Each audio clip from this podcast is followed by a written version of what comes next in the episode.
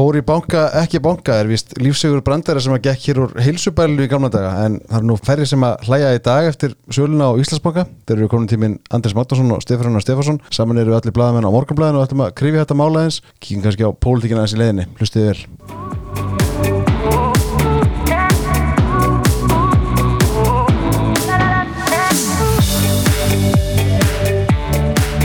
Við erum velkomin pildar. Takk að fyrir, takk að með Þið eru bara nýkomnir af hérna komnir af landsbyðinni, þið eru búin að vera að kera þetta um landið og taka á þætti og Það er valla við sem búin að þó okkur ferðar ekki já, komum bara beint hingað stúdíu til mín. Já, komum langt að á þessu sinni, allaveg frá Akranesi. Já, um Garðabæ. Já, þetta var uh, góðu túr um Vesturland uh, sem að lög með, með góðu spjalli uh, á Akranesi. Og í komandi viku ætlum við síðan að leggja enn lengri leið undir okkur og fara vestur á fyrði. já, ok vestur á Ísafjörð og um vesturbyggð og, og ræða við fólkið sem að kemur að sveita stjórnar málunum þar. Það verður gaman að fylgjast með því Já, já, þetta verður skemmtilegt, ótrúlega gaman að fara og hitta fólkið í ringin í kringum landið, kynast í hvað viðfánsefnin eru, já, mörg og áhugaverð og til dæmis aðgrænissi mikil uppbygging í gangi, bara allt á fullu. Alveg feikil uppbygging og, og uh, merkilegt reyndar að, að sko ég þurfti nú bara þegar ég sá fjármálátturlutna frá þeim á, þurfti ég aðtóa hvort þetta veri rétt. Því að þeir eru búin að vera að standa í þessu hérna án þess að þurfa að taka stórfenglega lán. Mm -hmm. skuldalutvalli er bara mjög fínt en allt í blúsi þeir ætlar þetta að bæta aðeins í en hérna samt sem árið gerna orkast neina hættumörk. Og bara mjög gaman að sjá hérna hvaða er mikið sko, sem er búið að gerast mikið sem er ætlað að gera viðbútt og bara hverki bángnir Þetta er svona öðru þessu umræða um sveitafjölu núna heldur en ofta áður því að þau standa mörg hver bara ágætlega fjárháslega standa mörg ágætlega og svona hafa náðu utan um ákveðna hluti sem að uh, voru erfiðir. En uh, ég meina það, það eru önnur verkefni meina, það eru mjög svipuð umkvörtunarefni víða uh, sem var þar sérstaklega verkarskiptöku ríkis og sveitafjöla og mm. fjármögn tildingina verkefna sem á rúta fyrir sig skiljanlegt. En En já, ég held að það sé rétti það. Það eru mörg sem eru komin bara í annan gýr og, og það er líka, uh, sko, ég, ég er svo gamalstrákar. Ég man eftir því fyrir svona... Það er miklu eldri við. Já, fyrir svona 20-30 árum, þá var þetta alltaf sami söngunum sem maður heyrði, sko. Það, maður þurfti ekki að fara lengur en hver að gerði svo, þá byrjaði þetta. Mm -hmm. Að þetta væri allt svo erfitt og Reykjavík væri einhvern veginn gínandi yfir öllu og þau var að missa unga fólkið og þetta væri allt saman bara í voða og það yrði að setja meiri peningi byggðastofnun eins og hún ætti að berga einhverju og allt þetta.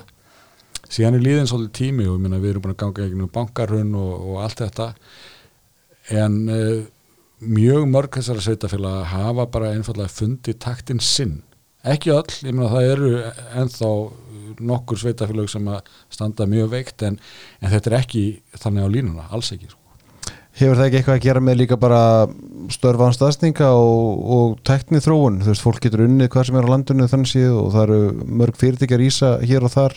Því voru nú á siglu fyrir þun daginn, það eru nú nú mörg fyrirtæki til getið starfa á síðust árum Ég er nú ekki vissum að sko, þessi hugmyndum starfa á staðsetningar sé sérstaklega Nei, bara svona eitt áttur af mörgum kannski sko. Ég held bara að það vinni í báðar átti sko. Það er fullt af fólki sem er að sinna einhverju verkefnum út á landsbyðinni frá höfuborginni, mm. því það er orðið hægt og svo Já. öfugt, ég held að þetta sé meira það að það eru bara tækifæri á svæðunum.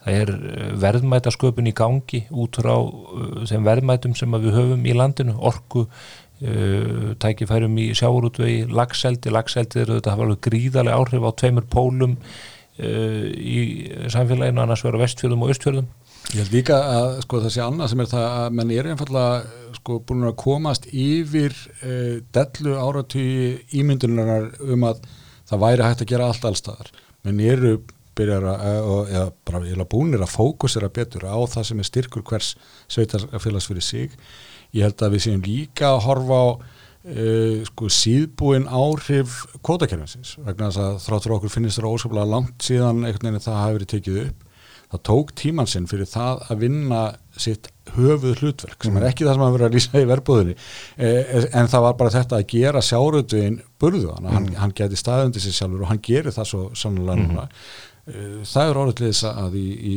sumusveitafélagum að þá uh, hérna hefur útgerð lagst af og menn hafa mist kvóta og, og skip og, og svo framvegis en annar staðar hefur þetta orðið sterkara.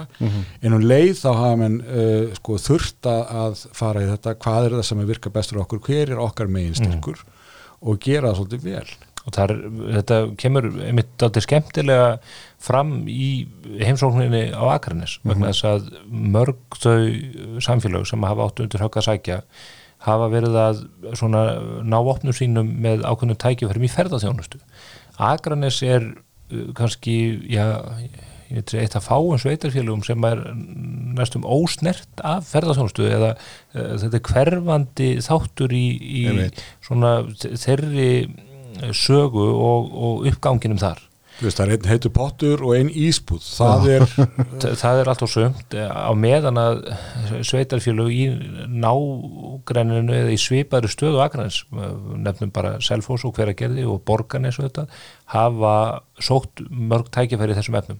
Og þetta sýnir það bara að hvert og eitt sveitarfélag þarf að finna leiðir til að vinna á sínum styrkleikum.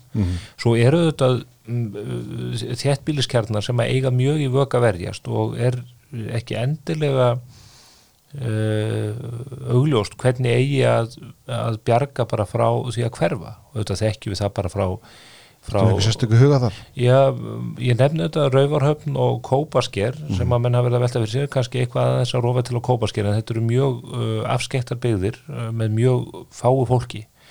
Og þar hafa ýmsar leiðir verið reyndar með handafli til að halda þessum eða bara mann, einhverju mannfjölda á svæðunum. Og það hefur allt misefnast meir og minna. En svo koma stundum upp uh, eins og kópaskeri núna einhver tækifæri tengd fiskeldi eða öðru slíku og, og það snýr stöðinu svolítið við. En maður spyr sig um uh, svona uh, möguleika til að halda úti svo- svona fámennu byggðalögum til framtíðar. til framtíðar og, og bara út frá þjónustu sem að krafist er í nútíma samfélagi en þetta eru hluti sem við þurfum að fara í gegnum. Uh, önnur uh, ný heimsókn okkar í borgarbyggð uh, varðandi, þar eru þetta einn mjög stór þéttbíliskjarni, borgarnes. Svo eru aðrir svona mun, mun minni þéttbíliskjarnar upp í, í raun og vera að myndast í húsafelli í Reykholti á Bifröst, á Kleppjarsreykjum Varmalandi, Hvanneri og hann er náttúrulega eiginlega eins og sko bara útkverfi borgarnas í sjálfu sér, sveitarfélagið eh, ber mjög þungar byrðar, mikinn kostnað af því að reka margar skólaeiningar uh, og svona óhagkvæmar skólaeiningar á svæðum. Og það er mjög erfið umræða greinlega uh, sem að á eftir eiga sér stað þar. Og pólitíkin í bænum eða í sveitarfélaginu veigra sér við því. Svörin sem að stjórnmálmennir veita er bara, já við ræðum þetta bara eftir kostningar sko, sem er þetta ekki bóðlegt en umræðan er ónötulega, hún er svolítið blandin tilfinningasemi og það er fólk þykir væntum staðin sinn og það vill ekki að uh, börnið er að sé að skrölda í bílum sko kannski uppið tvo klukktíma á dag, maður skilur það vel en þetta er samt og það er erfitt að það er sko 100 manna þjættbíli og það eru kannski bara 20 börn sem að þurfa að leita þaðan. Ég veit, þetta er þjónastur sem verður að sinna einhvern veginn samt. Já, já, og Já, já, bara samfélagi hefur breyst á síðust áratugum, það er bara eru aðrar kröfur uh, önnu nálgun á uh, það hvernig börn eru alveg upp og hvaða viðnám þau þurfa til þess að búa svo undir, undir uh, framtíðina? Og þetta er bara það sem við erum að taka stáfið samfélag sem að býr við ótrúlega forréttindi. Við erum rík að auðlindum og fólki og náttúru og öllu saman. Það er það sem að maður átta sig auðvitað best á með því að fara hringin í kringu landið og sjá þessa mismunandi styrkleika. Og við hefum að takast á við þessi viðfánsefni sem að mörg eru erfið og, og, og, og tilfinninga tengd í raun og veru með bros á vör, ekki að barma okkur yfir því að þurfa að, að leysa úr þessu. Þetta eru vandamál sem að flesta þjóðir myndu fagna að, að búa við Já, einverðungum En það er nú líka sko sem að mér finnst vera svolítið gaman sko eftir að við erum að fara svolítið rúnt svona og, og e, ég held að margir í þéttbílunni hafa eitthvað svona skrýtnar hugmyndir um e, e, þéttbíl út á landi að þorpin séu sko kannski svolítið eins og í mitt í verbúðinni að þetta sé svolítið svona svakalegt eða menna að horta á mikið á latta leika hérna Magnús skrifna eða, eða hvað það er. Eða hortum mikið á landan á rúf.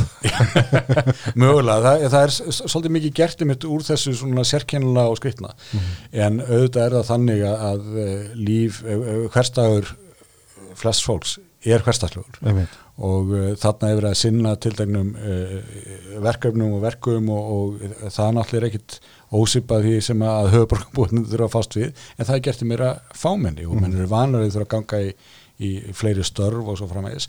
En ég var nú myndi bara að nefna við Stefán þegar vorum að, að aka í bæinn aftur um að sko að uh, hvað veri gaman að því að við verðum búin að hitta sveitastundar fólk úr öllum flokkum og alls konar plássum og, og landslutum og uh, þetta var allt hérna ég bara aðteglisvett fólk. Veist, það getur verið misskemmtilegt og örgulega misflinkt í sinni pólitík og svo fram- framvegis. En það var allt eh, í þessu að það var að helga sig hérna sínu byðalagi að, að, að reyna að byggja undir það og halda undir fólkið sitt uh, og manni síndist og sínist að flesta því sé nú bara verða nokkuð vel úr verki sko. Þetta er bara allt alvöru fólk. Já, reynd og bent og, og já, þannig að þetta hefur verið Já, eh, þetta er- það var ekki sama fróða og þú finnur hjá sömum stólmálamönnum hérna þeirra- Nei, eða bara hér í þessu þætti. Já, já, það er áður en ég missi ykkur alveg í umræðina Stefán, þú komst ekki tómhendur þú ert með hérna ég, ég, ég sá á samfélagsmínum í dag að þú varst að flagga þýskafánunum og hér kemur með einhverja veigar. Já, já, já við svona urðum að taka hér uh, smá rannsókn á, á dálitlum skemmtilega hittum sem er að koma frá eh, ótrúlega fallegu svæði í uh, suðvestur hluta Þýskalands, Fals og uh, er reyndar auðvinn þeir nú þekktastir fyrir kvítvín frábær þurr rísling kvítvín sem að þeir reynda að kalla trokken uh, sem að þýðir þurr á þýsku. Eh, Köller Rúprekt er einn af uh, myndi ég segja stórgóðslugustu framleiðandunum uh, á þessu svæði. Og þeir eiga langasögu og þetta er Pinot Noir úr þeirra smiðju. Þetta er auðvitað eiginlega við landamæri Fraklands uh, þeir kalla þetta spettburgunder eða eitthvað slíkt. Algjörlega óskilinlega markaðsætning sem veldur því að, að margir fúlsa við þessu en ég held að þetta sé bara mjög og þetta er kampaðisfélagið hlutinn Já, uh, erum að taka þetta inn í, í samstarfi við uh, mjög skemmtilegt veitingahús sem er að opna núna síðar uh, já, á vordugum get kannski ekki uh, úttala mig mikið um það en, en þeir vildu hafa uh, hágæða vín af þessu svæði og við þetta ákveðum að leita bara til þeirra sem að eru bestir á, á þessu sviði. Já, eins og í kampaðinu og, og við erum, höfum ekki verið svikin að því.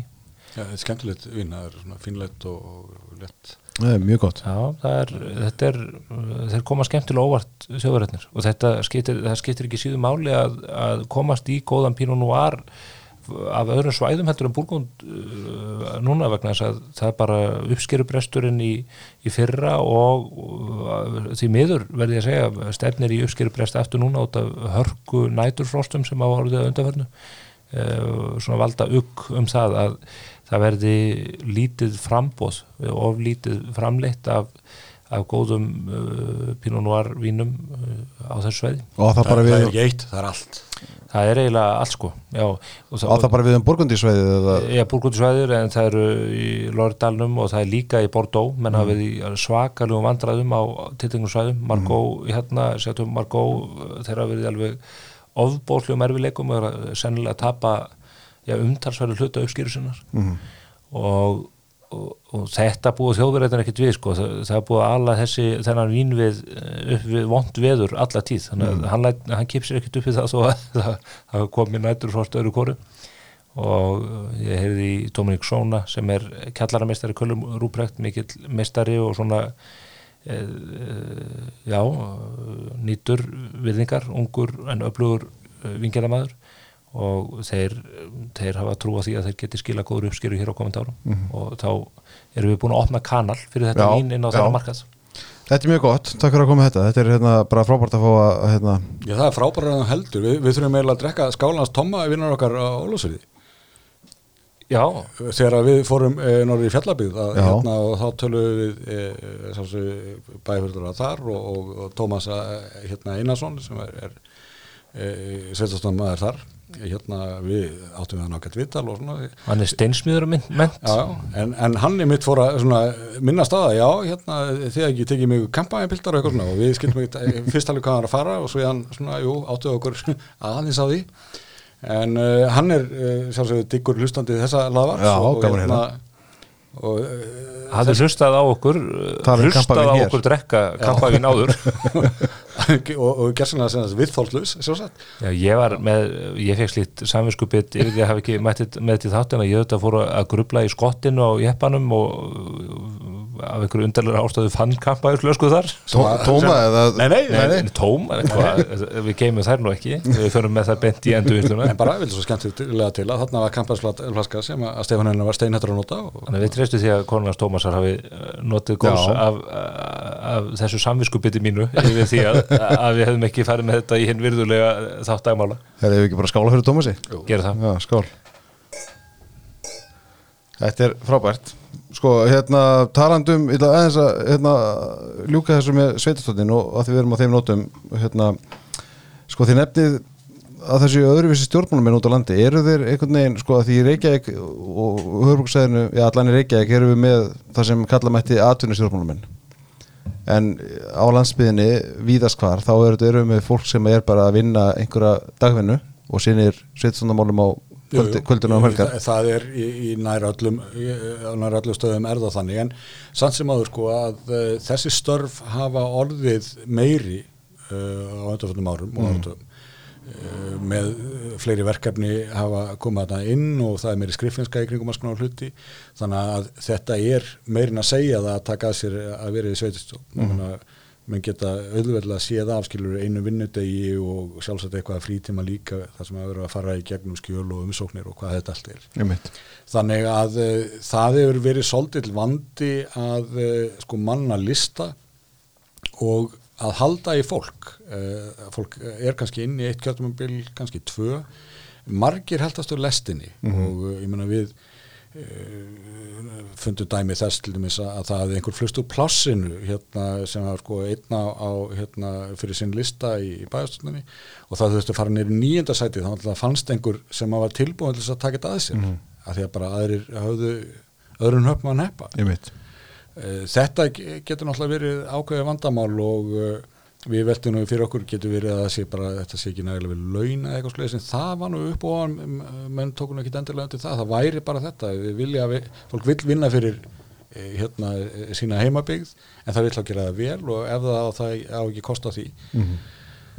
Ég, þá þarf að finna næsta og það getur verið svolítið erfitt og ef það er sífælt nýtt fólk að koma inn að þá hverfur stopnana minni svolítið og menn Já, þurfa já. að vera alltaf að læra allt upp á nýtt og þetta geti svona, ég er farið að skapa vandamál Mhm. Það er mjög áhört að sjá bara uh, munin á þeim sem er að koma nýjir inn og þeir sem eru búin að vera í fjögur ár. Ég tala nú ekki um átt ár. Það er eiginlega svona, svona uh, já, það er verulegu munur á og reynslan telur þá eða? Já, það, Mjög, þetta hefur bara svo mikið að segja að hafa farið í gegnum uh, fjárhags áallanir og, og annað þeim dúr. Uh, bara þekking á því hvernig deilisskipulag verður til og annað. Það er bara eitthvað sem að þú lest ekki dum í bókum eða, eða ferðin á YouTube og, og fræðistum þetta er bara hands-on reynsla sem að fólk fær. Þannig að það er, það er mikið verðmæti í því að fólk endist í þessu og reynda skilst okkur eftir samtal uh, við einna sveitastjórnum fulltrúunum að það er vinna í gangi uh, á vegum ráðuneytisins sem fer með sveitastjórnumálin að finna út úr því hvað það er sem að já, svona að kortleika svolítið hvað það er sem að er að valda miklu brott falli uh, úr sveitastjórnum sennilega getur þið opið ekki laga það og lausnin er ekki aðeins svo að hafa þetta vel borgað við erum þetta að fundu þá Norðurþingi lentum við þetta í vandraðum í spjallið þar töldum að við varum komin í feitt í umræðinni þar og ætlum að fara að kynna undir óanægu sveitastjónarfulltrúa með launin. Neini, það var bara allsæl með þetta var nú bara hinn mesta búbót. Þannig að við Andris vorum gerðir Afturreka með það. afturreka í, með, með þá sprengju. Einmitt. Jú, e, e, og ég meina síðan þegar að einmitt var nú farið út í uppæðir sko að, að e, þá var það í sjálfu sér sko hóflegt, ég meina það var ekki að fara að lifa á því en, en einmitt sem hérna svona uppbót fyrir þetta vinnuframlag. E, þannig að það var að miskust ekki vandamáli þar. En ég, ég ekki starra sveitarfélagi heldur en til dæmis borgarbygð, þar sem eru 4000 manns eða 4000 íbúar, þar er fólk sem að situr í byggðaráði, þetta er fólk sem að þarf að verja já, að því er manni sínast að minnstakosti tveimur vinnudögum í viku. Mm -hmm. Það er vel. já, það er 40% starf. Einmitt. Og annarkvort er það þá þannig að þú ert þá í 100% starfi og einhvern veginn er það tvinna þetta ofan á. Þetta bara verður ekki gert öðru sem að menn var ekki fjölskyttuna Já, já, eða, eða nefndur sína eins og kom fram í, í spjallinu. Með sundkennaran góða. Nei, nei, það er þetta er svona þetta er úrlösnarefni sem þarf að finna út úr og, og það þarf auðvitað að bera virðingu fyrir þessum störfum það er auðvitað líka þá til lenskan að, að uh, fólk talar nýður nýður störfin en, en er ekki að sinna þeim sjálf mm. sko. en þetta er allt hluti sem þurfa að gerast og svo þegar allt verður vittlust að því að sveitarstjórnunar vinn ekki rétt leysa ekki rétt úr deilisskipulagi eða í, í, á skipulagsfundum eða hvað það er, þá verður fólk alveg vittlust líka mm en ef að það á að gera þessar hluti vel þá verður að gefa fólki tækifæri til að, að sinna þeim uh, á þeim fórsendum Svo er náttúrulega líka annað í þessu sem að, að, að þess að mann hafi nú sérstaklega verið kvart undan því en, en það er að send, virðing uh, stjórnmálamanna, hún hefur náttúrulega alltaf verið mismikil, svona eins og virðing klerkastéttarinn hér áður frá öldum. En uh, fólk hefur gandast með hérna stjórnmálafólk og, og, og presta svo sem. En við eh, bankarunni eða búsáðarbyltingunni eða eitthvað staða þar að þá var eitthvað náttúrulega sem brast hérna eh, gagvart stjórnmálum og þingi en eh, maður er á tilfinningin að það hafi í raun og veru sko átt við víðar þar að segja að fólk eh, og með félagsmiðlunum að fólk talar miklu gáleisleira um náðungan og talar nú ekki um fólk sem er í stjórnmálum mm. og ef því líkar ekki hérna hvernig sko bara áhalda skúrsmálið hafi farið sko að þá er það ekki, hann er liðlega stjórnmálamæður nei, hann er bara ömurlög manneskja Einmitt. og allt þetta Og þetta er ekkit fyrir hvert sem er til að búa við sko Nei, og ég meina, þú veist tala um í sveitastunum fólk er návi og, mm -hmm. og allt þetta en hérna, þetta er eitthvað sem að menn þurfa kannski sko að bara hugsa um hver og einn hvernig temmi okkur að tala um nákan Heldur þetta breytist eitthvað? Verður maður ekki að vona það? Mm -hmm. Jú, Við tölum alltaf vel um fólk hér svona mestu? Já. En talandum að missa vitið hérna, það er sko eitt sem við þurfum að ræða hér og það er auðvitað þessi, þetta útbóð á, á bankansýslunar á hlut ríkisins í Íslandsbanka. Uh, eins og flestir þekkja þá auðvitað fór bankansýslan í þetta útbóð 20. mars síðastliðin þegar það var auglist eftir loka markaða að útbóðu væri hafið því laug um kvöldmandaleitið og, og hérna við gengið frá hlutum þetta nóttina og þarna voru seldir eins og segi 22,5% hlutur í bankanum. Til viðbúta við þau 35% sem voru seld síðasta sumar þannig að ríkið núna orðin minnuta orðin minnuta eigandi í bankanum. Þetta útbóð og umræðinni kringu það, hún auðvitað er á að koma upp núna sístu daga aftur og hefur þetta verið í gangi sístu tvær vikur það banki var seldur. En sko hvernig, hvernig lítið á þetta, er þetta velhæfnuð útbóð er þessi aðgerð velhæfnuð?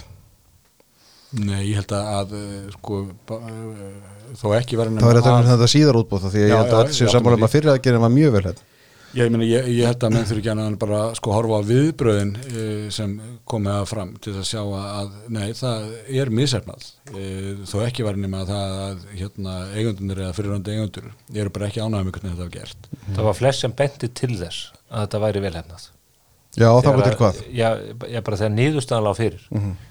Uh, frávikið sem sumi kalla afslátt var, mm -hmm. var mjög hóflegt í öllum Ræðum það aðeins, sko, er þetta afsláttur eða frávik? Sko, Já, jú, jú, þetta er afsláttur sem mm -hmm. að sumulega kalla frávik að því að mönnum þykir óheppilegt að tala um afslátt En þú ert að tróða hérna 50 miljóðum inn á markaðin á einu kvöldi sko, já, já, já, þetta er afsláttur frá markasvirði mm -hmm. og hann er veittur af málefnarlegum og skiljanlegum ástæðum mm -hmm. og það er það sem að hefði þurft að skýra betur ef að menn hefði haft ráðrum til þess Ég, ég, en, en, en, en svo, ég má aðeins skrifa frá mér sko, ég held nefnilega að, að, að vandinatna hafi verið uh, hvað hann segja hann, hann, hann gerist miklu fyrr að hann gerist þegar að það er ákveðið að selja með þessum hætti að uh, það eru nokkrir aðlar, hvað er ekki, sjö sem að eru að annast Já, sölur ágæðar uh, og uh, þeir ringja í sitt fólk og svo framvegis. Mhm. uh, ég meina hvað með þá sem að, að, sem að ekki voru á bókunum hjá þeim? Ég meina Mhm. hvaða breykáttu þeir? Ég er alveg viss um það að það er nóga fagfjárfrestum og fólki sem að vera hæfi bankaægjendur sem er í þeim hópi. Og það er eins og einhver ég veit ekki hvort það er þessu sögurur ágjafur eða hvort það á um bankasýsluna hvað hafi miskilið eitt líkil atrið sem er það að hér er um engavæðingu að ræða.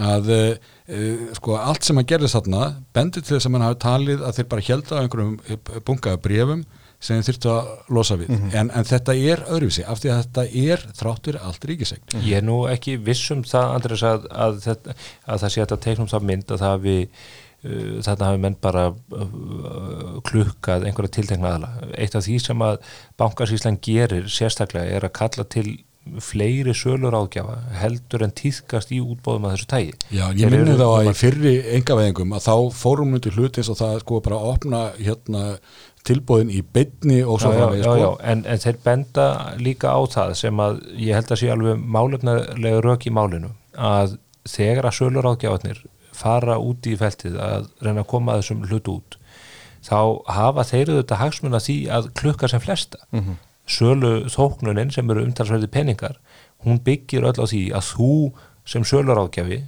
tógir kaupanda að borðinu Akkurat. og að hann komi með tilbúð sem að síðan er tekið þannig að ég, ég blæs í raun og vera á, á þá rauksemt að þarna séu einhverju sölurákjafa sem hafi handvalið einhverja fáa og, og, og haldu öðrum úti. Þe- þess vegna reynda Hva, spurði en hvað þeir eru sjálfur að kaupa? já, þess vegna spurði ég reynda Lárus Blöndal úti það hvort að það hefðu einhverju fagfjárfestar eða þeir aðlar sem að hefðu geta keift en, en hef, hefðu ekki verið látni vita eða og sættu eftir með sárt enni hvort það væri einhverju slíki sem hefðu kvartað. Það verið engin stíði fram úr þeir sem að skilgreindur sem hæfur kaupandi í þessu útbóði til eh, sem að hefur, hefur gagnint þetta. Nei, úr því sem komið er, eru náttúrulega bara döðfegnar að vera ekki að listana. Eh, eh, Nei, en þetta atriði, þetta atriði sem að þú nefnir hins vegar Andrés hérna svona með ágættu innskoti varðandi kaup þessara aðla sjálfra er auðvitað ámælisvert. Og það er margt sem er að koma í ljós núna sem er auðvitað mjög óhefilegt það má fara bara yfir nokkuð dæmi.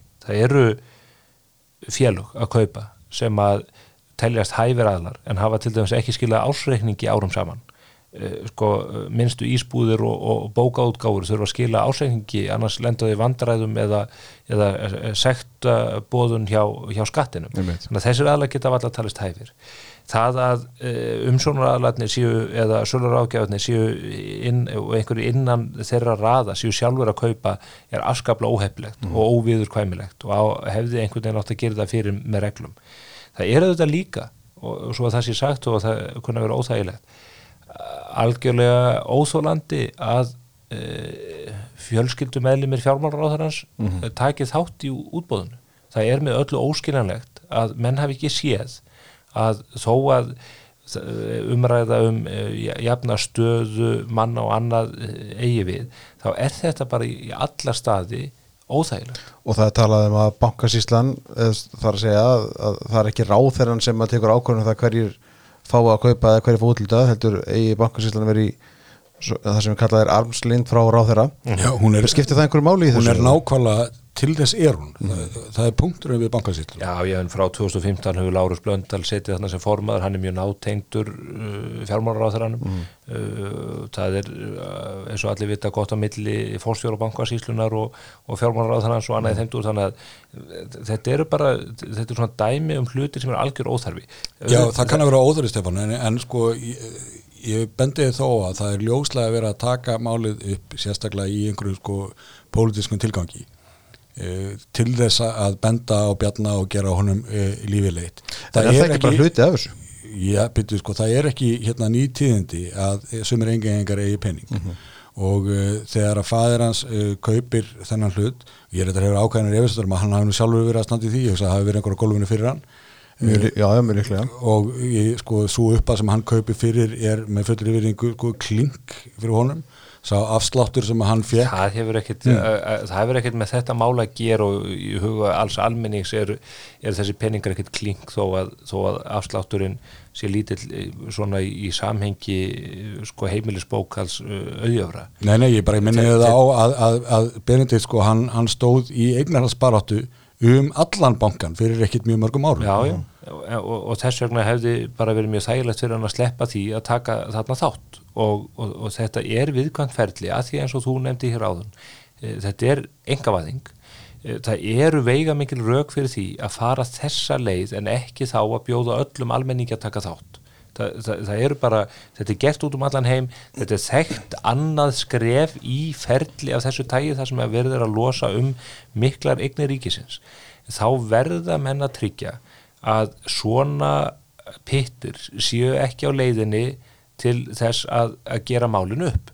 Og þetta er, ég er ekkert að hérna, ég grunna menn ekkert um græsku í þessu, ég veit að hann hefur keift bara á nákvæmlega sömu fórsendum og allir aðrir, en þetta er óþægilegt og það sést einfallega á því hvernig hægt hefur, eða hvernig tekist hefur að, að blása þetta mál upp og úr öllu samhengi og, og hlutvalli við það sem ætti að vera. -hmm. Já, þá heldur ég sko, minn þurfa að gæta þess að uh, sko fókusra á það sem að mestu skiptir. Ég meina það eru hlutur sem eru bara graf alvarlegir bendast að það verið kastað til höndunum en hefur ekki framfyllt e, sko, eftirlýðskildu sinni sem eins og þeir ætti að vera að gera að fjármálastofnunar sem að þarna eiga hluta máli þær hafi ekki sko, haft auga með sínum fólki mm -hmm. og svo framvegs það allt er mjög slæmt og ég menna það er eitthvað sem að bankasíslan þarfa að, að hérna, svara einhverju tilum og það getur vel verið að fjármálaráður þurfa að gera það líka. En uh, að sko menn haldi fókus á því sem að, aflega fór en uh, sko ekki einhverjum svona rauðslitum ég held að það skiptir máli En er það ekki bara hluti af pólitíska leiknum að, að fjalla um það, um kaup föðursins á þessu? Jú, jú, ég menna það er mitt, þá er það leikur sko en mm. þá erum við ekki að fástu alvöruna sem að er bara yfir nógu af Mm -hmm. Já, já, en það eru 209 aðlar sem að koma hérna borðinu, taka hérna ríflega 50 miljardar hlut sem að ríki losar um, sem er ána í efni, þetta eru gríðarlega verðmætti sem að ríkisjóð munnar um og þetta eru verðmætti sem að ríkisjóðu fekk í hendutar þetta 2015 og 16 og, og er nöðsynlegt að, að koma út. Þetta er aðferðafræði sem að á að virka vel til þess það sem að maður óttast kannski helst er það að, að hardir anstæðingar engaveðingar og hardir einstæðingar anstæðingar þess að að losa um eignur af þessu tægi að þeim hafi verið gefið þarna vopni í hendur mm -hmm. ég nefni bara fórsættisráðarann í því sambandi og hennar flokk sem valdi því að, að það verði ekki meira gert í þessum efnum að sá uh, hlutur sem eftir stendur sem er núna eitthvað undir 50% en er þó uh, 20 miljardar virði 100 miljardar virði um það bíl að, að hann verði áfram í eiguríkisins og, og vinni ekki fyrir okkur skattgreðendur á meðan sem löst við til að greið upp skuldir eða byggja upp innvið í landinu. Mm -hmm. En er það ekki sko líka það sem skiptir máli í þessu að því að það að taka ákvörðunum að selja ríkisegn, að ynga veða að það er pólitísku slagur sem fælst í því, það, það félur í þessu pólitíska slag. Og það eru alltaf pólitíska átöku kringu það að selja hluti ríkisins að selja eignin ríkisins og verður það, það erfiðar eftir þetta? Það verður bara miklu erfiðara og menn munu fara sér hægar og, og þetta er það alveg rétt sem Andri segir þetta er bara skýr krafum það að menn vandi sig mm -hmm og það verði stoppað í, í göta þessu tægi mm. það, það er, er ekkert komið fram sem bendir til spillingar bent mm. í þessu svo að það sé líka sagt það er auðvitað óheflegt að þessir aðlar hafa verið að kaupa aðlar tengdir e, sölur ágjöfunum e, en allt annað sem að nefndi verið í þessu sambandi er í sjálfu sér mjög léttvægt mál. En þegar fólk fyrir að tala um fólk í sjávarótvegi einhverja menn sem hafa verið virkir í atvinnulífinu er það rauk sem hægt er að er það eitthvað, einhver umræða sem er þess vilja að taka? Ég meina, minnstu það vera einhver eintón þvæla í, í fólki sem að er á móti sörlunum bara hvort þið er. Nei, það, það er bara og er alltaf ílum sjávarótvegin Nei, nei að sjálfsögðu ekki. Mm -hmm. Sko, með fullri vinningu þetta er náttúrulega ótrúleitt píp. Eh, sko, hvaða fólk held þetta fólk að myndi kaupa, mm. þeir sem eiga peninga eða þeir sem ekki eiga peninga? Það er náttúrulega það fólk sem er verið að gera út á með sölu sem þessu, það er fólk sem að eru í fagfjárfestingum mm -hmm. af því að þeir eiga fjö og en ekki hvað og þeir eru, eru skilgrendir með ákveðnum hætti í lögum og það er verið að leita í þennan hóp þarna.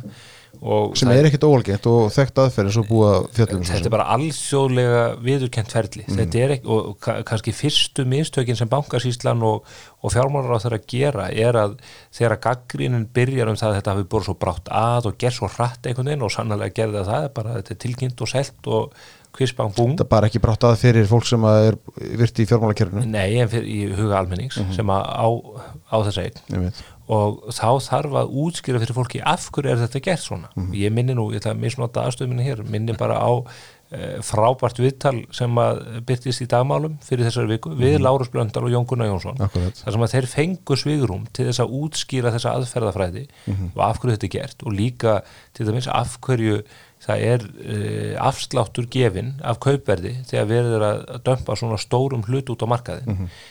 þeir fullir það að, að eftir spurnu áhuga hafi verið þannig að það hefur verið hægt að selja þess eh, stærri hlut en þarna hefur verið ákveðið að, að eh, staldra við við, eh, við þetta hlutfall til þess að ofgera markaðin ekki. Það er alveg ljóst að á litlum hlutaberamarkaði þar sem þú ert að selja 50-60 miljardar hlut þetta getur haft mikil áhrif uh, á bara verðlagningu annara brefa uh, á það, hvernig flotið er á markaðnum dagan eftir.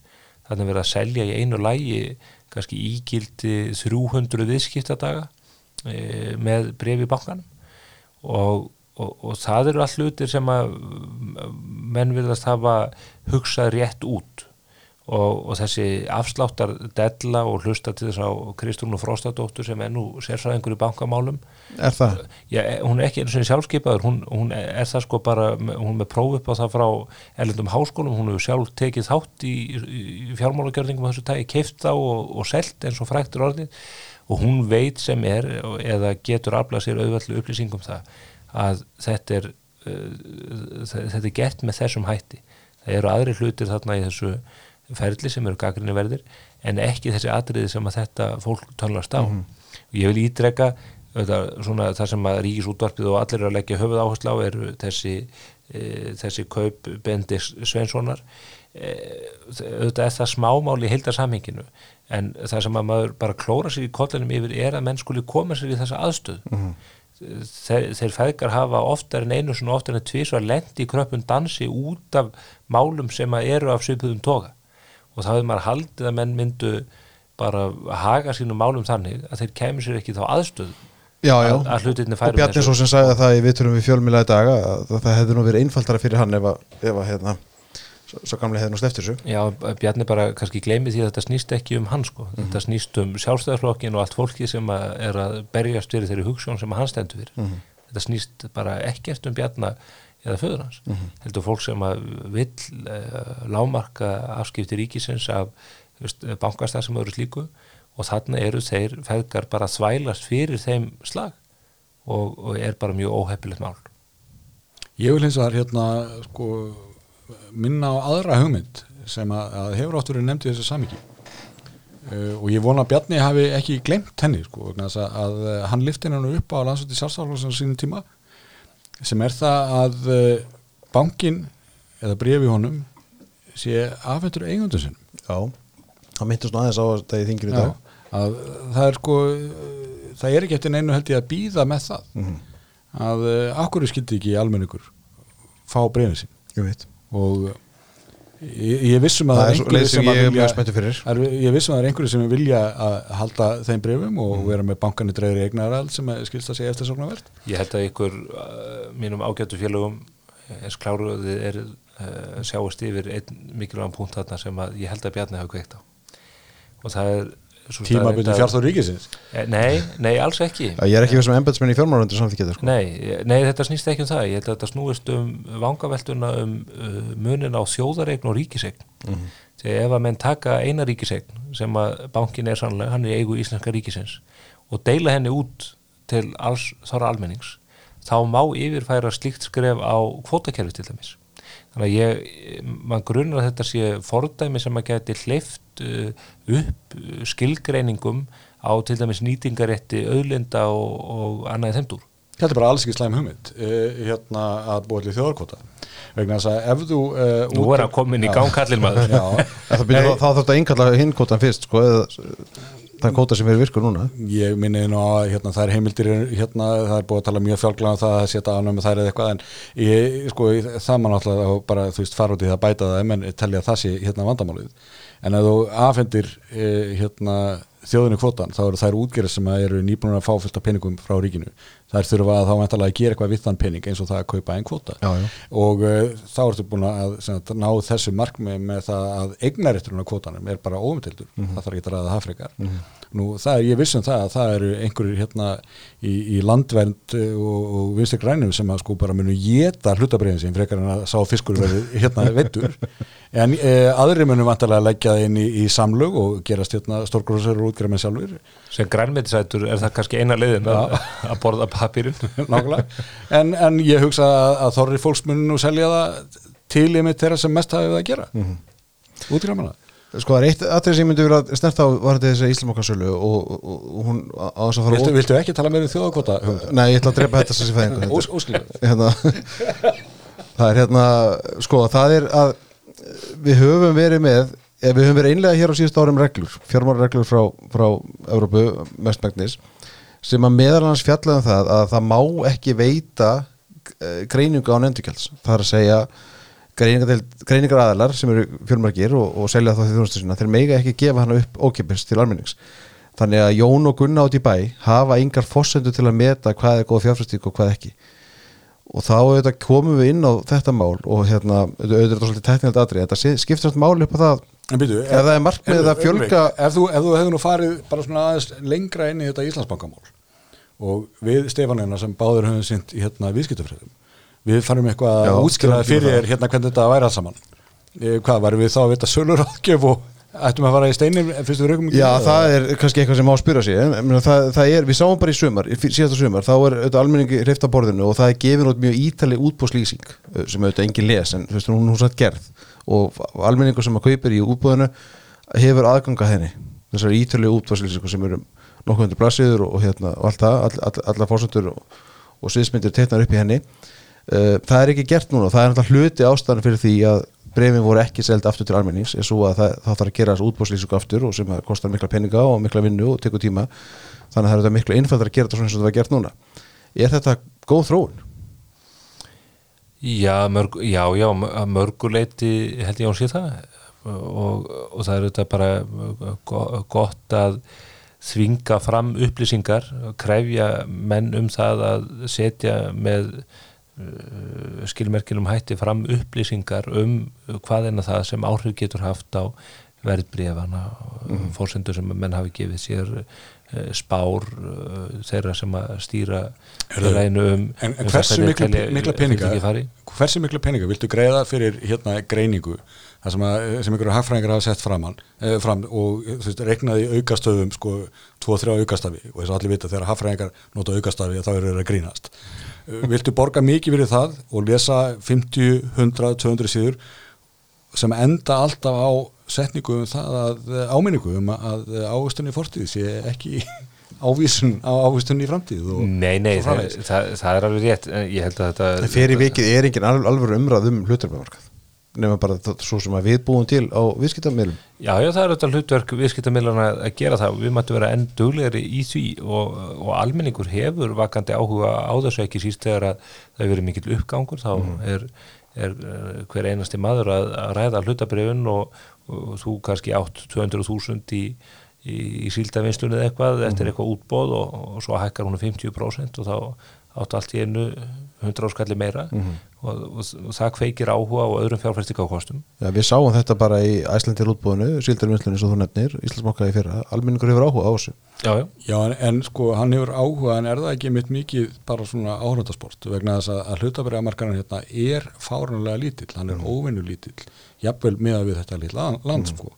Eh, hérna voru eh, upp úr hruni, ég menna þá voru sko skuldabrefin hérna only game in town þráttir að ymmit menn það áttu að vera mjög vakandi fyrir því hérna að það myndi eitthvað gerast á hlutabræðamarkaði Eh, ég er ekki vissum að sko, þó að þetta hafi verið eins og þið muni kannski ymitt fyrir hrunn í viðskiptafréttum sem voru í sjónvarsfréttum þá það sem er nú að lesa hvað hérna einhver hlutabrið hefur farið upp um marga prósentur og stíg og, og guðum á þetta hvað sko. En ef þú hafið fyrir því að skoða sko, hvað seldist mikið þá bara var að selja Já, já, markaðarinn er auðvitað mjög grunnur það þarf ekki mikið til að reyfa félög svolítið mikið, þú getur vestlað stundu sjá við veltu fyrir kannski 100 miljónir eitthvað og, og hlutabriði fyrirtækjum hækka að lekkum 4-5% sem er Við- þetta algjörlega fráleitt sko Við, við sjáum stundu bara veltu með félagin svo óríkóð eitthvað upp á 7 miljónir og, Mhm. og 4% hækkun að lekkun þannig að það er ekki mikið en það er líka annað sko hlutabriðamarkaðurinn er eh, hann er margskiptur eitt er eh, að hugsa sér hlutabriðaverð í fjármálafyrirtæki eins og Mhm. tryggingafélagi eða banka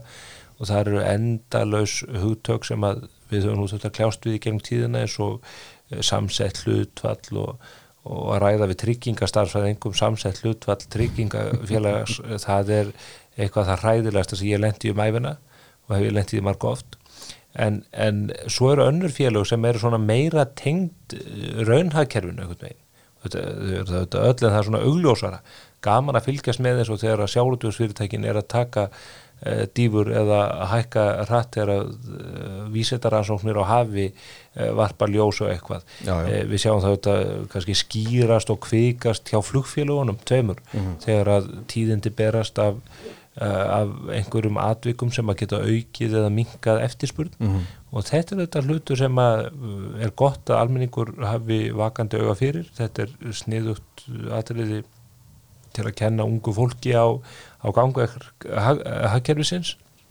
Því að það þarf að hafa mikið fyrir því þessa dagana að, að útskýra fyrir fólki þann einfalda sannleik að, að hinn raunverulegu verðmæti verða ekki til í ofinberi þjónustu eins og Þórildur Sunna Ævarsdóttir hefur haldið fram ofinberlega það er bara e, og, og þetta, það þyrftu allir að fara svona dagmálarúnt eins og við Andrés. Kannski opnum við ferðarskristofu fyrir Reykvíking að, að fara um landið og, og sjá hvernig, hvernig hlutinni gerast í raun og veru.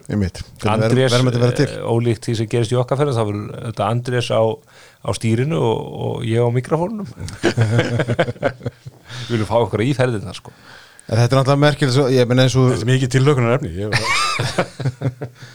meina rétt eins og þú segir sko með bara svona einhvern auð- auðvitað aldrei neitt fyrirsjónleik í þessu en, en að þú nefnir hérna sko breytingar hlutabrjöfum og, og allt þetta við sjáum nú til dæmis bara hvað síldavinslan hækkaði eftir sitt útbóð uh, og hækkar auðvitað mjög mikið í kjörfært þess að það er tilgýtur lónukvota í, í, í haust mm. -hmm. síldavinslan var búin að fara í útbóð fyrir árinu februar, mars minni mig, mann ekki nákvæmlega hvernig það var uh, hvað var að genginu 42 minnum eða eitthvað sliðis Mhm.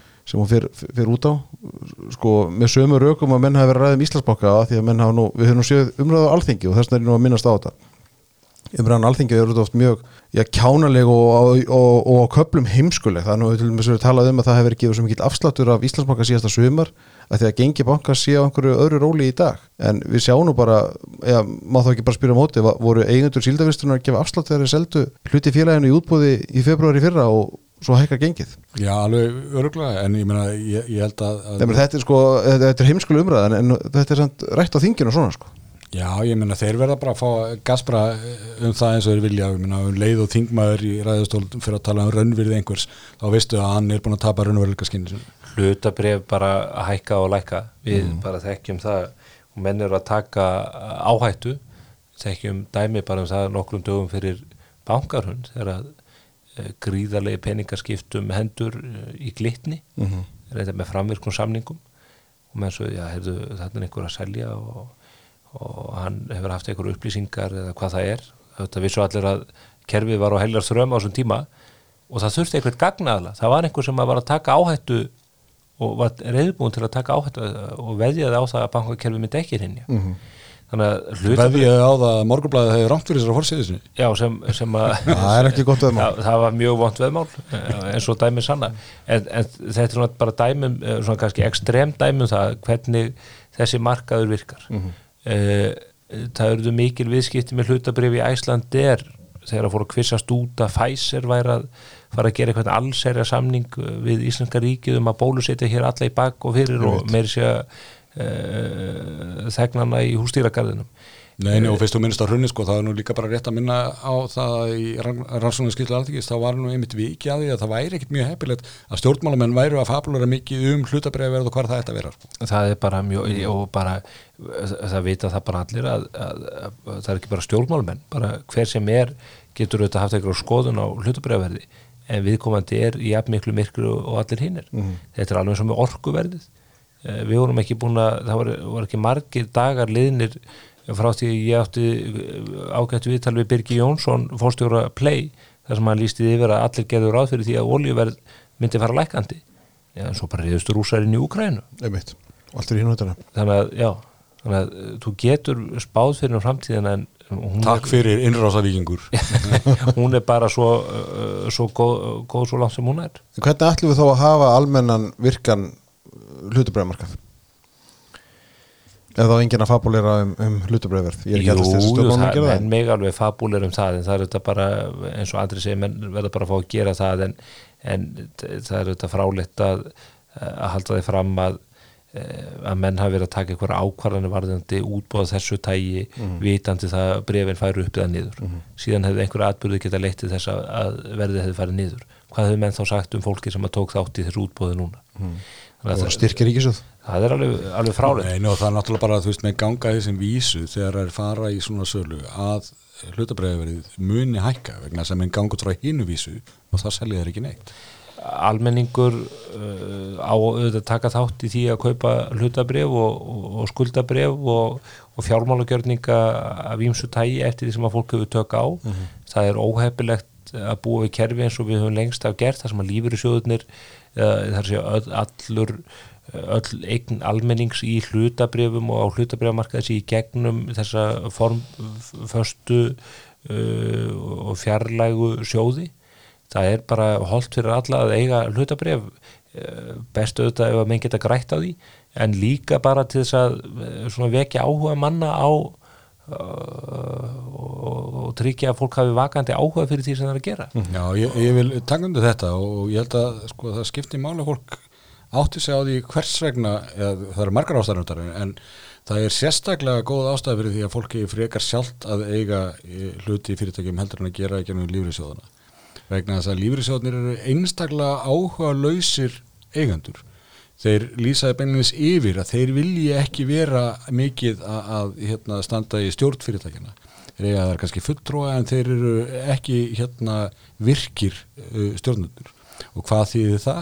Jú það þýðir annarkvort það að fyrirtækin geta reykið svolítið á reyðanum vegna þess að þeir ekki fá leiðsökum frá eigundu sinum eða það sem gerir svona oftar og er kannski verra er það að einhver sem heldur á, sem er sem ekki lífrisjóður en heldur á hlutfarslega stórum hlut en kannski ekki nema 10-12% hann getur í raun og veru ráðið fyr- ferð fyrirtækisins vegna þess að lífriðsjóðnir að þeir halda þessar hendur það taka bara eitt eh, svona, eh, abs, eh, ja, það er ekki abstrakt dæmi það er bara dæmi úr annar átt. Hér á árum áður þá hafði ég gaman að því að hlaupa fór mikið um helgar bara neyru völklass á, á hlaupabretti og, og hljóp kannski tvo tíma var að búa mig undir lengri hlaup. Og til þess að styrta mér stundur í þessum hlaupum þá horfði ég á fótboltaleiki þeir voru erum á samkvæmt mis uh, áhugaverðir og ég er nú engin ofur aðdáðandi fótboltans en það voru kannski uh, Tottenham og Bolton eða eitthvað að, að spila. Og þá setti ég 2000 kall eða 3000 kall undir leikin í aðra hvora áttina og ég fann það bara, ég hafði miklu meira gaman að leiknum, ég fylgdist uh, með miklu meira aðtekli Þú áttur eitthvað steik í þessu. Já, já, bara og það var miklu auðveldar að hlaupa í, í tvo tíma með þessum uh, með þessa penning undir þó þetta veru smáar fjárhæðir. Og, og það er það sama sem maður hefur fundið, maður hefur átt, átt einhver hlutabref, kannski bara 10.000 kall, 20.000 kall, 50.000 kall í, í, í banka eða tryggingafélag einhverju, það veldur því að maður fylgist öðruvís með fréttunum þegar frétti berast af fyrirtækinu og markanum að þá, þá einhvern veginn þá verður þú svona integreraður í á þetta. Og, það þetta er eitthvað sem að má bara byrja að ala með eh, ungu fólki þegar að, þegar að uh, hérna, ég segi kannski ekki skýrnarpenningunum en, en í, með fermingarpenningunum er það bara ágætt að fara að leggja fyrir í hlutabrjöfum Nei, nei, og það er náttúrulega sko af því að hlutabriðin til er að tilteknu fyrirtækjum eða eignarhalsfélögum að, að þar er eh, ákveðið vörumerki og, f- og fólk heldur með sínu liði með öðrum hætti en að þú setur peningin í skuldabref við getur gert. Þú veist, ætlar að vera ógeðslega heitur eh, hérna RIK32 ég hérna átáði Það er þetta bara veist að íbúðalánasjóður skuli hættur að gefa út sín, sín bref Nei, nei, ég held að ef þú vilt fæla fólk frá því að fjárfesta þá, þá eh, ferðu með það beint í skuldabrefmarkaðin Herður, nú þegar við erum fórtin að búa til fleiri kapitalista þá ætlum ég nú að skipta umræðinu í annað. Sko, hérna, meðan Stefán kannski heldur hérna síðustu dróbónum í glösun okkar að þessu góða rauðinu sem komst með. Sko, það er Sigur Ingi formað framstaflósins, hann er, í- er hann í miklu vandræðum Andris, þú ætlum bara að fylgast þess með því. Já, ég hugsa að hann hafi fylgst uh, með þessum hérna, þessari bankasölu miklum áhuga og nú er saman höndunum eftir þess að hann hefur séð vandræði hérna uh, Bjarna aukast í það, ég meina ég sá að hann sendi mér sér hérna varaþingmunum hérna út til þess að svona halda þeim eldum við.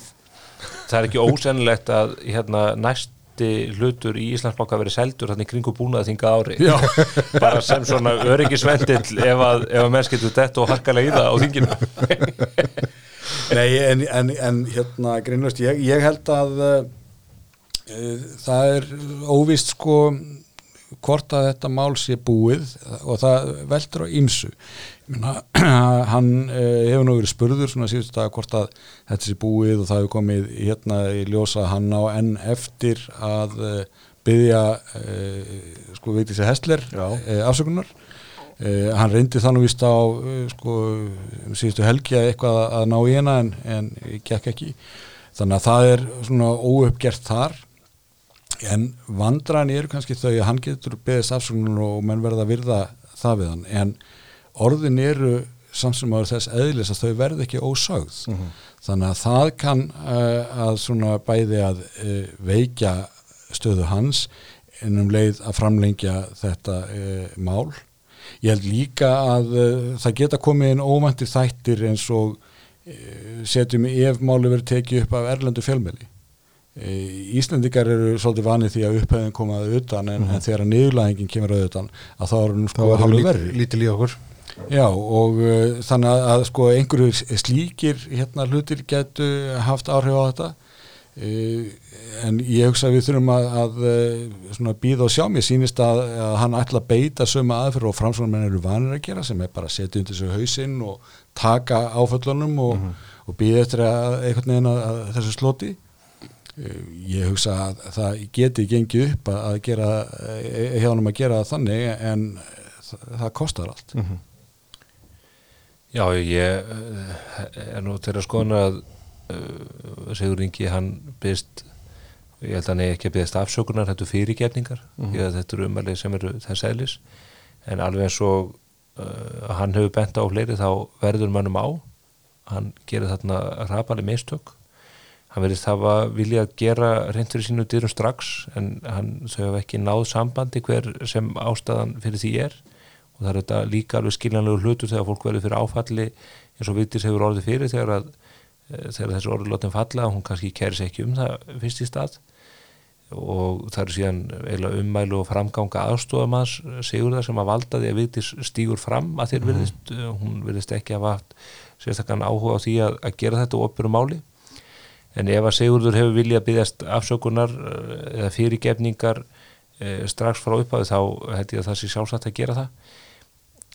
Það Ég, ég reyndar ekki vissum að þetta sé alveg réttu þar ég, ég held að, uh, að það hef ekki gest fyrir um helgina sem að hann fyrir að reyna að byggja stafsfunar að, að uh, þetta gerast á 15. kvöldi og uh, ég, ég held að sko, það hefur alveg liðið megnið að fyrstu deginum ef ekki lengur áður hann áttaði sig á því að hún hefði heyrt hvað hann hefði sagt og eitthvað svona sko. Nei, nei, og, hann þarf bara að- hann þarf að gera það upp en þá að fyrirgefa mönnum svo- svona yfirsjónir e, menn gleyma því líka átt að Sigurður Ingi er auðvitað tutti þannig er það bara eh, að upplægi það sjá það allir. Já, hann hefur ekki, hann hefur reynd, hann hefur ekki, já, hann hefur reynd að búa til aðra ímynd af sér í en já, það. já, en hann er bara tutti og, og menn skulle ekki gleyma því að hann gekk mjög hart fram í landstómsmálunu gegn Geir Holti, vildi láta dæma mannin í fangelsi fyrir að hafa ekki haldið fundi um, um yfirvofandi hættu á bankaáfalli. Þannig að Sigurður er bara tutti og tuttar segja svona þegar þeir gleyma sér eða til þeir komast upp með það. En það breytir ekki því að, að það má fyrirgjóna það og, og, og en menn Þér, þér kann að finnast það. Ég, ég, sko, en það er ekki okkar að dæma um það hvort að, að uh, honum er fyrirgefið. Það hlýtur að vera Vigdísar Hessler að, að Já, já, en hún er auðvitað ekki í dómarasæti á efsta degi sko. og og við höfum Nei, hún, en hún er í dómarasætti ef hann byggður hana loksins sko fyrirgjöfningar Já, já, en svo verður það auðvitað aðrir að fá að meta En hún það. ræður ekki pólitískum örlögum hans? Nei, nei, hefðu, hann getur beðist fyrirgefningar. Hún getur metið það sem svo að það sé ekki einlægt og ákveður að taka ekki á móti þeirri fyrirgefningu. Það breytir einhverjum það hvernig almenningur sem að hann sækjur umbóðsitt til metur það. Ég held að almenningur muni segja hefðu, oft eru ljót orð látin falla í hitta leiks eða af, af einhverjum, einhverjum vanga eða, eða miskáningi og, og þetta er bara dæmi um það hann er bara á fyllir í með einhverjum uh, Köllum. já, öðrum durgum. Já, en málið er einmitt það sko að þetta er ekki bara einhver ljótar sem er látin falla í, í garð einhvers eins eða svona og það er ekkert sem bendilis að þetta hafi verið neitt sérstakur híti leiksins.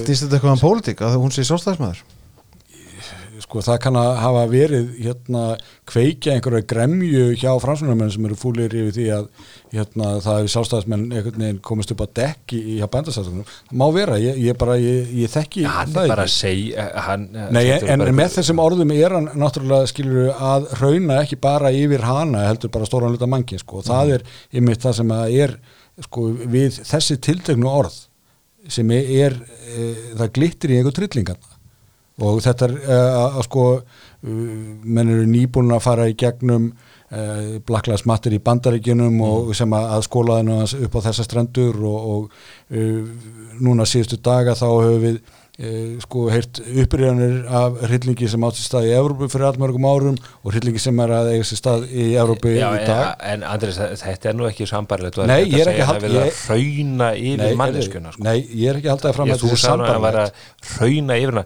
Menn verða aðeins líka róa sig í því sko. hann bara segir þarna einhver, uh, segir þarna hlut sem hann átti ekki að segja. En þetta var ekki eitthvað viðvarandi orðaflaumur veist, það, eru ég þekki það sjálfur, við þekkjum það allir það þekki það allir að það eru misgáuleg og mishefnuð ummæli látum falla. Það er oft sárt og það þarf að vinna úr því en það, við megum ekki fara að draga upp þá mynda þessar uppákoma það eigi eitthvað sambarilegt við eh, sé sambarilegt á við uppákoma sem að Lives Matter eða slíkt sko.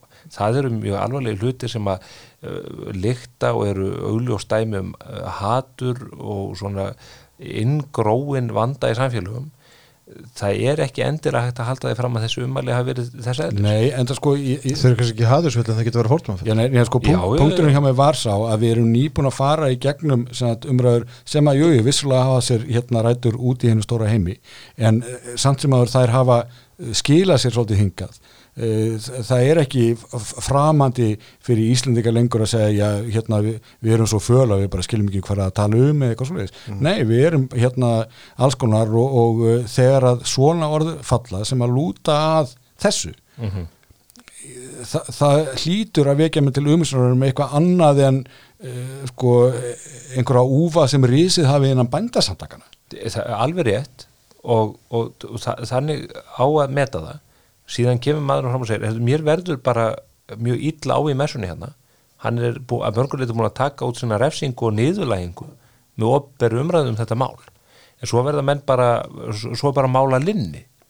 Og það er, það eru látin for, fordóma full ummæli látin falla um konur og karla og sjálfstæðismenn og, og, vinstrimenn og, og, og þennan og hinn ofinbera starfsmenn og bladamenn og út um allt á hverjum einasta degi og oft mjög skæð umræða svo bara líður hún til lok og þeir sem að láta þessi umæli falla sitja yfirleitt undir harðasta dómnum sjálfur. Sigurður Ingi hefur kveðið upp dómin yfir sjálfum sér. Núna vita allir hvernig hann hugsaði þarna, þessi umæli verði ekki tekið tilbaka, en hvað eigum menn að gera meira í þessu? Já, eitt góðum þetta þurfur að kjósa Já, já, Sigurður bara svo heppin að í fyrsta lagi að menn klúruði hérna einu stykki bankasölu og að það er mjög langt í kostningar.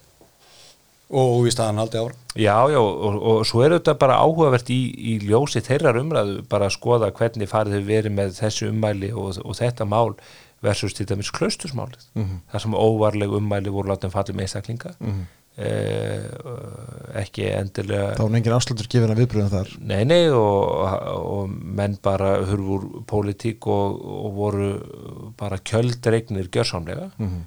og, og kannski þetta mál mætti vekja þá sem að þar gengur harðast fram en, en svona eh, eru með semingi umræðunni núna eða bera blaka þeim sem á hlut mættu kannski íhuga svolítið eh, hvort að viðbröð er að byggja frekar á því hver á í hlut heldur en um hvað máli snýst En býtu, ég er ekki rétt mjög að mér að segjur Ingi hafi mitt verið eitt þeirra sem að letu ákvæmlega hörðu um hann í falla um Jú, þessi next, sakabröst. nextleðast mjög mikið á, Akkúrat á því móli Akkurat og, og þetta má vera honum til áminningar og það og vonandi að Sigurður svona einn með sjálfum sér e, velti aðeins við öngum yfir því hvaða dóma hann hefur látið e, falla Eru mistök hjá, stjórnmálumönnum að hossa sér á mistökum annara?